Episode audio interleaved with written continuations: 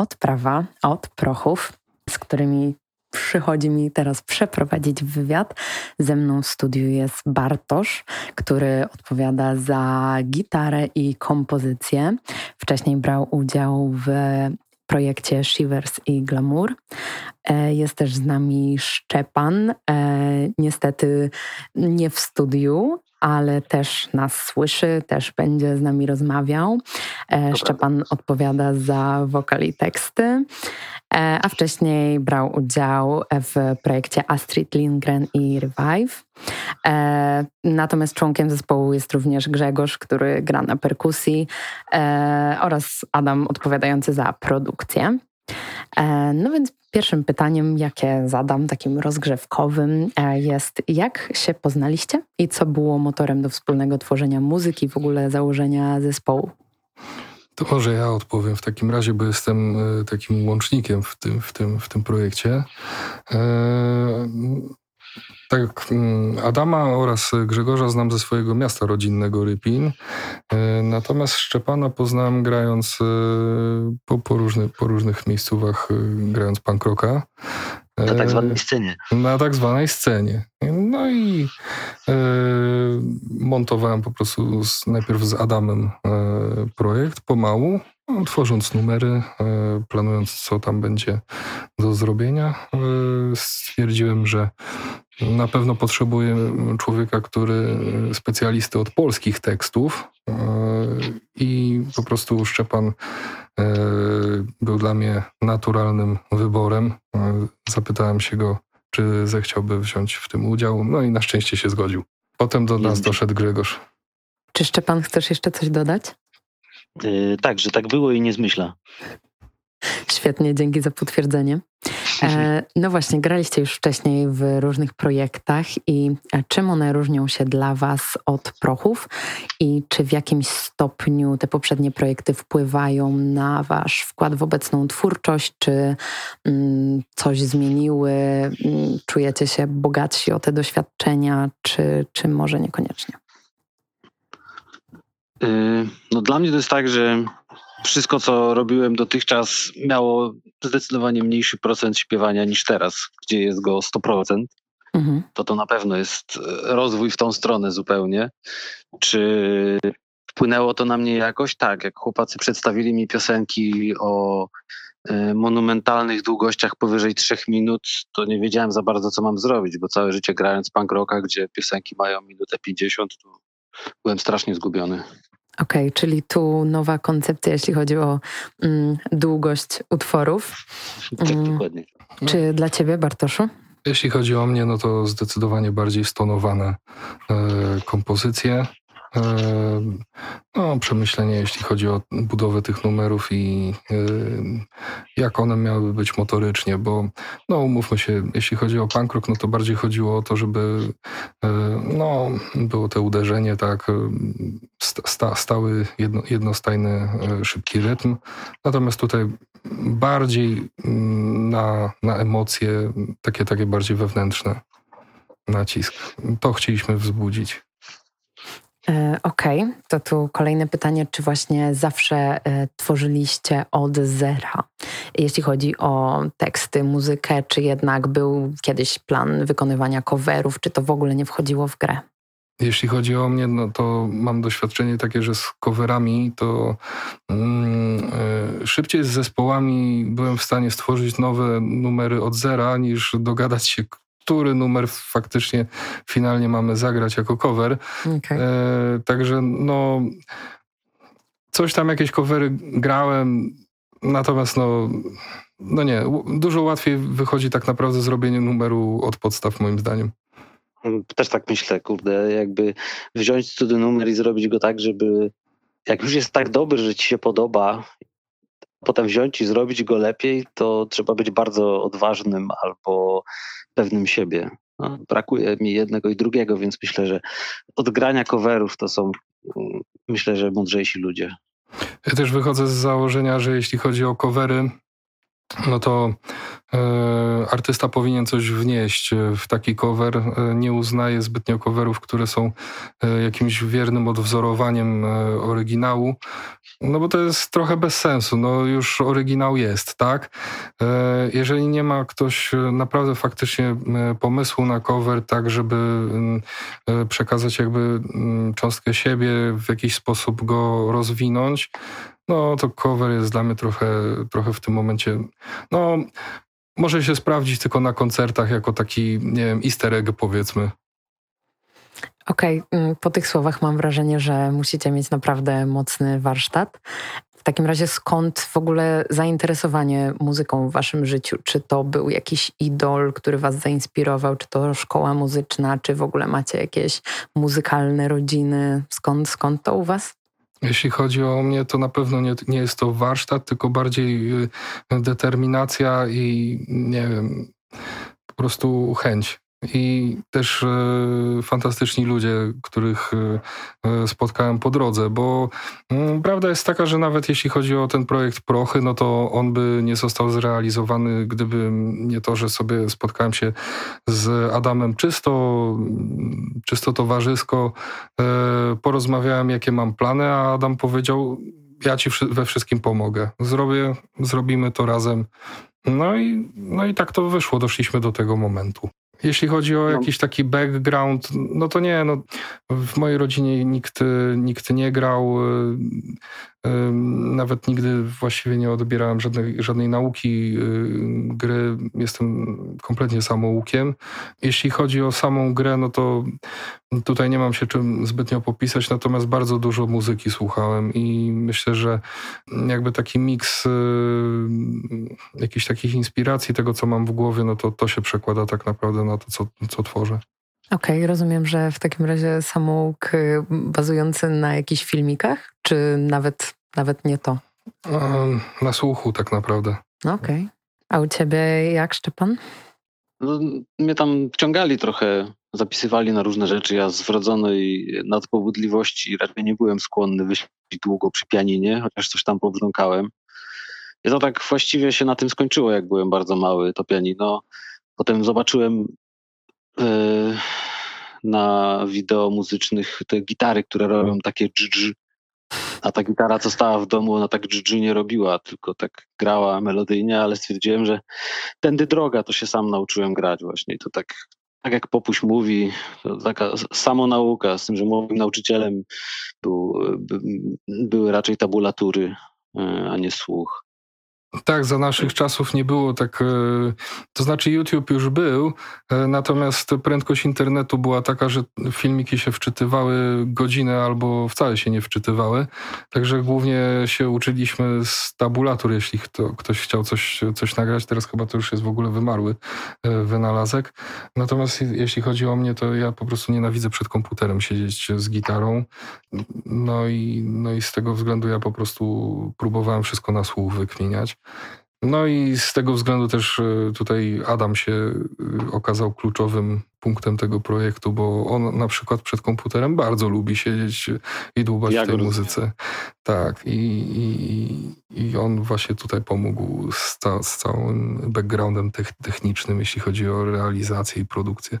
Czyli rozumiem, że po prostu łączycie siły, aby stworzyć coś, co jest dla was, co was jara. A właśnie skoro łączycie siły, to czy zawsze jesteście zgodni, jeśli chodzi o przekaz w swojej muzyce, czy na przykład wychodzą jakieś kłótnie między wami, że w tym kawałku ktoś by chciał bardziej coś innego przekazać odbiorcom i, i jest spina? Nie było takiego momentu. Nie kojarzę przynajmniej. Okej, okay, czyli się uzupełniacie, jesteście tak, zgodni. Tak, tak. Raczej, mhm. raczej każdy mm, trzyma się swojej działki i raczej nie, nie stara się E, raczej nie wchodzimy w sobie w kompetencje. E, ja tam coś tam próbowałem e, się zapytać, czy jakieś tam napięcia podpowierzchniowe, czy nie można by było jakoś skrócić te, tego, tego tytułu. Szczepan powiedział nie. A ja mówię, okej, okay, no dobra, nie. Dokładnie.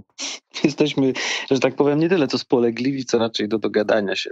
Mamy się dobrze bawić, a nie pozajadać. Okej, okay, czyli rozumiem, że też e, cały zespół traktujecie jako hobby, a a nie jakąś tam, nie wiem, szczebel ku karierze?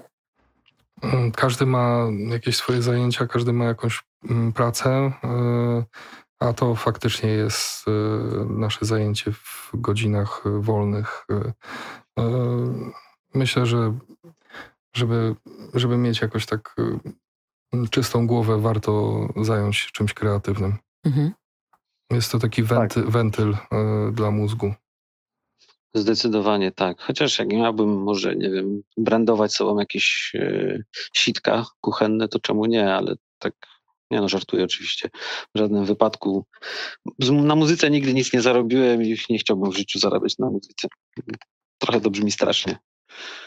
Rozumiem, czyli to czysta miłość i pasja. E, która Was spaja. E, no właśnie, przechodząc tu e, do albumu, mm, macie materiał, mieliście materiał nagrany już od dwóch lat, a jednak go nie wypuszczaliście. Został on wypuszczony dopiero niedawno i z czego to wynika?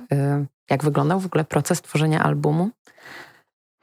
No to jest tak jak, tak jak właśnie w poprzednim pytaniu padło, że mm, Zajmujemy się tym hobbystycznie. Mm, jeśli chodzi o pandemię, to ona na początku e, faktycznie dawała bardzo duże pole do tego, żeby no, Wiadomo, skraca się trochę tam czas dojazdów do pracy, tak, praca, zdalna, jest to dosyć takie komfortowe pod tym względem. Dużo czasu też właśnie spędzanego w, domu, w domu na tych lockdownach.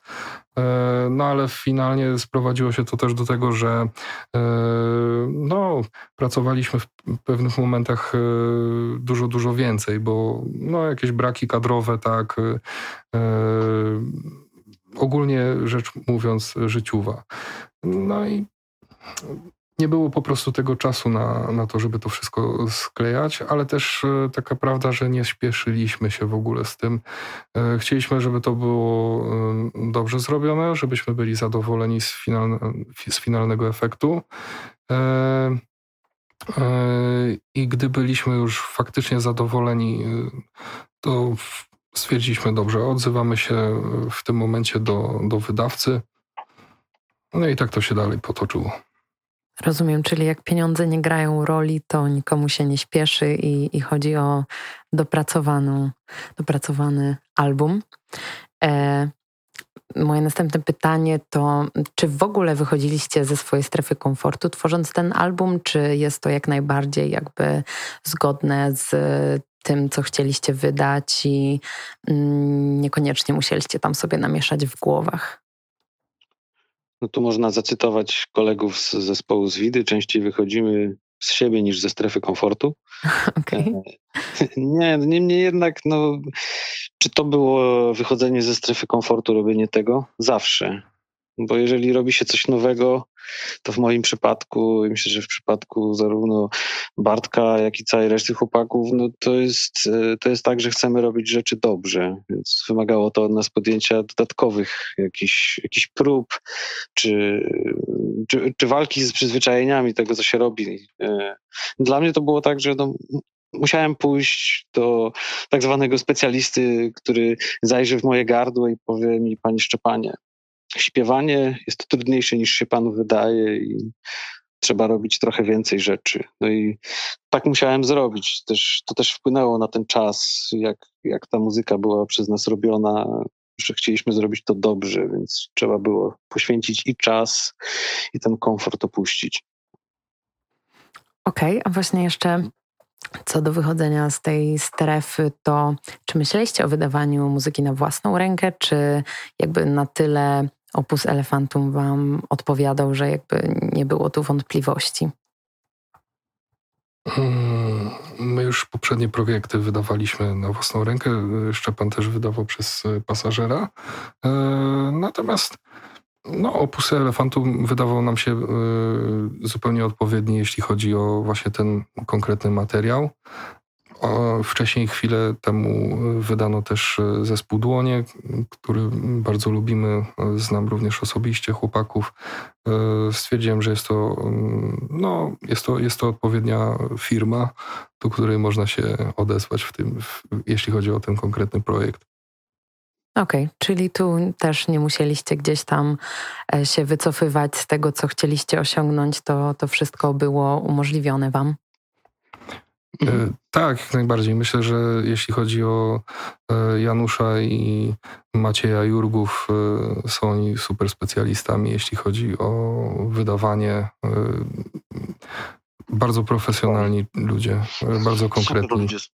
Okej, okay. um, spytam o okładkę, bo to mnie zaciekawiło. Czy e, chodzi w niej jedynie o waszą estetykę, czy, czy ma ona nieść jakiś przekaz? E, tu słuchaczom podpowiem, jeśli nie widzieli, jest to po prostu mężczyzna stojący na krześle. Nie jest mężczyzna. Nie jest mężczyzną. To nie jest to jest osoba. Jest to człowiek stojący to... na krześle i widać tylko jego nogi, tak gdzieś od kolan i krzesło. O co chodzi? O co chodzi? E, jeśli chodzi o interpretację, to można zostawić e, tak naprawdę odbiorcy. E, mhm. Za okładką stoi Natalia Ławska i to właśnie ona jest, jest jakby główną bohaterką tej, tej całej okładki. Występ, występuje na większości zdjęć, bo mm, jeśli chodzi o też cały Digipack, no to to jest jakby część całej takiej sesji stworzonej przez nią. Ona mi się bardzo spodobała. Napisałem po prostu do Natalii z zapytaniem, czy, czy pomogłaby nam z, ze stworzeniem okładki. No i ona również stanęła na wysokości zadania, moim zdaniem, jeśli chodzi o, o zrobienie, jeśli chodzi o cały, cały design. I tak, jeśli chodzi o interpretację, no to mm, powiem, jak ja to, jak ja to zobaczyłem na początku. Mm, zobaczyłem tak, mm, postać na y, krześle, natomiast kolejne elementy tej historii są takie, że krzesło zostaje rozłupane na drobne kawałki siekierą. Tak wygląda to, jeżeli otworzy się Digipack na wszystkie, na wszystkie pola. Ja to interpretuję jako rezygnacja z samobójstwa.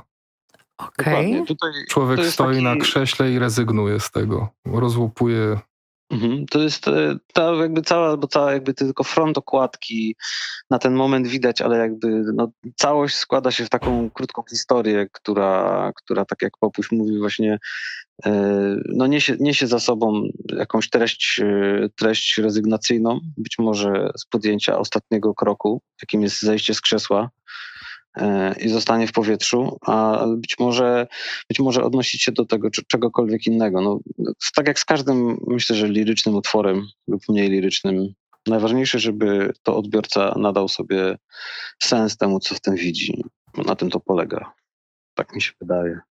Okej, okay, tu mnie naprowadziliście na kolejne pytanie, bo no, samobójstwo jest dość e, przerażającym aktem, e, więc chciałam spytać, czy właśnie dużo w Waszych głowach takiej bojaźni, bojaźni o przyszłość, czy mm, ja osobiście wyczułam taki katastrofizm pewien w tekstach mhm.